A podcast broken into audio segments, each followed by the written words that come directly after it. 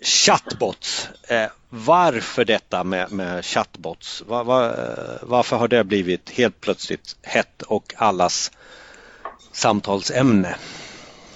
Eh, om man tittar på bara liksom fenomenet först då, så eh, precis som det var liksom för 20 år sedan eh, med webbsidor och för 10 år sedan med appar så är det nästan så att kunderna kommer till oss och säger så här, vi, vi, vi ska ha en chatbot nu. Så frågar vi, eh, vad ska ni ha den till då? Ja, det spelar ingen roll, här är pengarna, vi, vi vill ha en chatbot bara. Mm. Eh, och det är lite sådär, ta mina pengar och gör en chatbot liksom. Så, jag vet inte riktigt vad det beror på, men jag tror ehm, att eh, hela den här AI-vågen liksom, eh, har fått med sig liksom att det, det, finns mycket mer möjligheter nu med AI och chatbot är ganska hands-on. Liksom. Det, det, det, är en typ front-end AI om du vill. Ehm, så jag tror kanske nå någonting sånt. Alltså, jag, jag, måste säga personligen när vi började jobba med det för kan det vara, lite drygt två år sedan på eh, så Eh, fick man ju liksom en, en, en, massa eh, insikter då när man liksom försökte börja med användare. Vi hade användare med ganska tidigt då. Och en av de grejerna man lärde sig var ju att det är viktigt att liksom skopa ner. Alltså det absolut sämsta man kan göra är ju att eh, säga så här. Hej, jag heter tralala, botten. Eh, jag kan svara på vad som helst. För då börjar folk att fråga liksom, vad heter din mamma och är du gift och Eh, en massa frågor som bara resulterar i besvikelse liksom ganska snart. Eh, utan istället göra precis tvärtom, att skapa ner och sen bygga ut liksom efter, eftersom då. Eh, och på så var det så att då kunde den bara säga i början då eh, från till och när. Så man kunde säga då Stockholm, London, tomorrow. Eh, och om man var tydlig med det, det var det som var intressant, om man var tydlig med det till användarna så, var, så upplevde de det som väldigt positivt att den liksom gjorde så som den kunde då. Alltså, det är typ som en människa som pratar med en treåring. Alltså, vi ställer ju om oss blixtsnabbt till den nivån av konversation och liksom vokabulär och sådär. Eh, och precis likadant, och så det är bättre att utnyttja vår, oss människors liksom, eh, förmåga då, att anpassa oss än att liksom försöka vara mer än, än, än vad den klarar av. Då. Men, men du säger ju också att, att det, är, det är originalfrågan med varför chatbot, det är någon form av startpunkt på AI. Mm. Ja, precis. Alltså den, det, det, roliga är just att det är text också gör ju att den funkar i alla kanaler. Så att många av de kunderna som kommer till oss, några vill ha den på webbsajten, några vill ha den i Facebook Messenger, några vill ha den på Skype. Eh, den funkar ju liksom överallt och även då när man lägger på som vi pratade om igår med eh, Alexa och Google Home och sådär eh, så går det ganska enkelt att lägga på röst också så man kan prata och det öppnar ju upp ännu fler möjliga kanaler då, typ som i bilen som vi sa. Precis. Eh, vad är då nästa? Vad är nästa efter chatbot? Vad börjar man med det? Har man lärt sig liksom att jobba med AI eh, och kommer vidare i processerna i arbetsgrupperna? Eller, eller eh, vad, är, vad är nästa, nästa steg?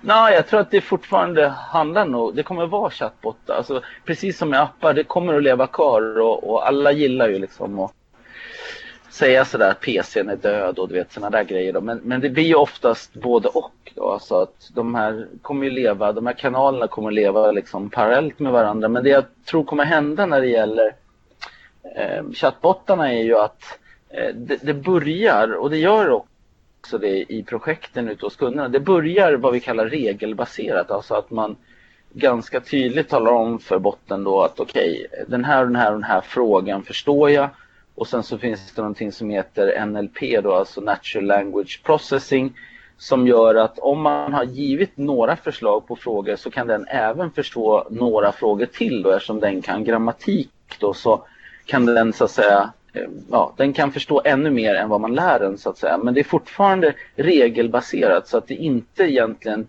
så speciellt mycket AI inblandat utan det, det, det är lite den här NLP-motorn men annars är det mer eller mindre regler då för hur den här ska eh, svara och så vidare. Men det som är intressant är ju att det går ju liksom bakom sen och bygga på med hur mycket AI man vill så att säga. Och då kommer ju saker som machine learning in då, att man kan eh, Eh, föda då den här botten med massa data då. Bra exempel är ju eh, att föda den med gamla kundtjänstdialoger till exempel.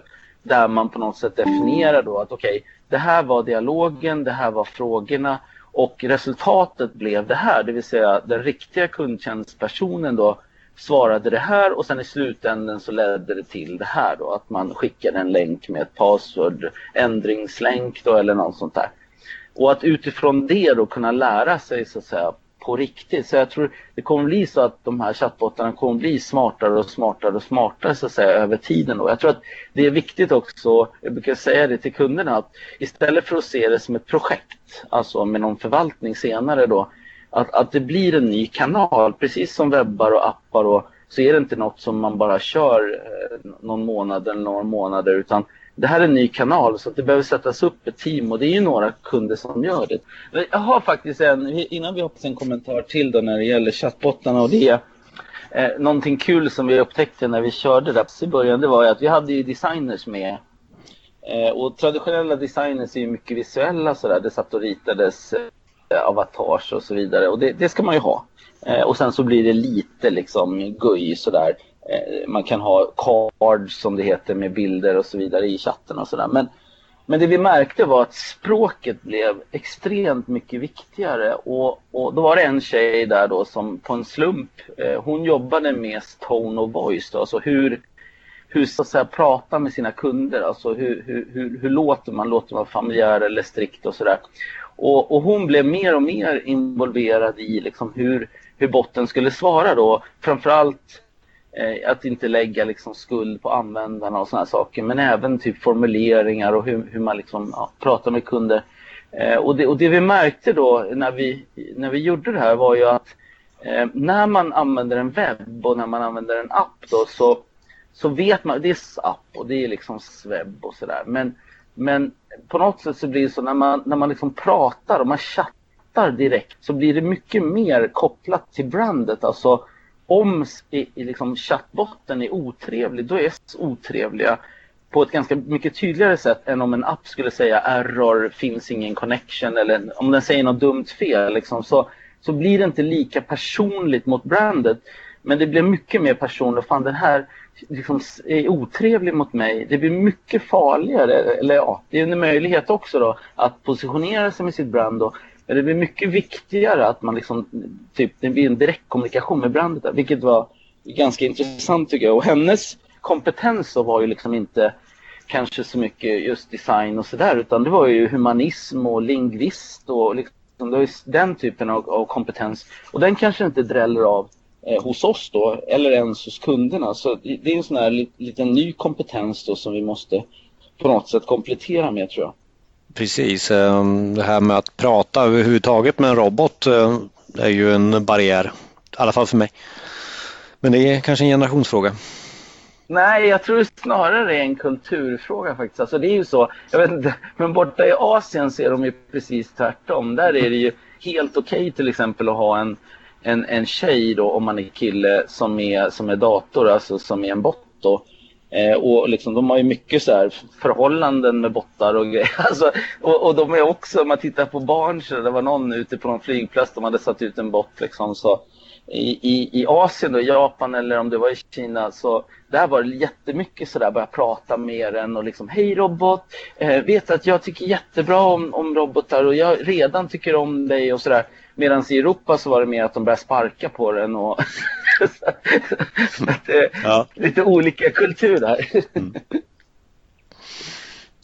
men, eh, nej men det är ju så, min, min, jag sa ju det tidigare, min grabb han älskar ju Alexa för att hon inte eh, hon, hon, hon, tappar ju inte tålamodet så han kan ju fråga henne eh, massor med frågor, konstiga saker och bara räkna och typ sådana saker som som man kanske som förälder inte alltid uppskattar efter ett par timmar.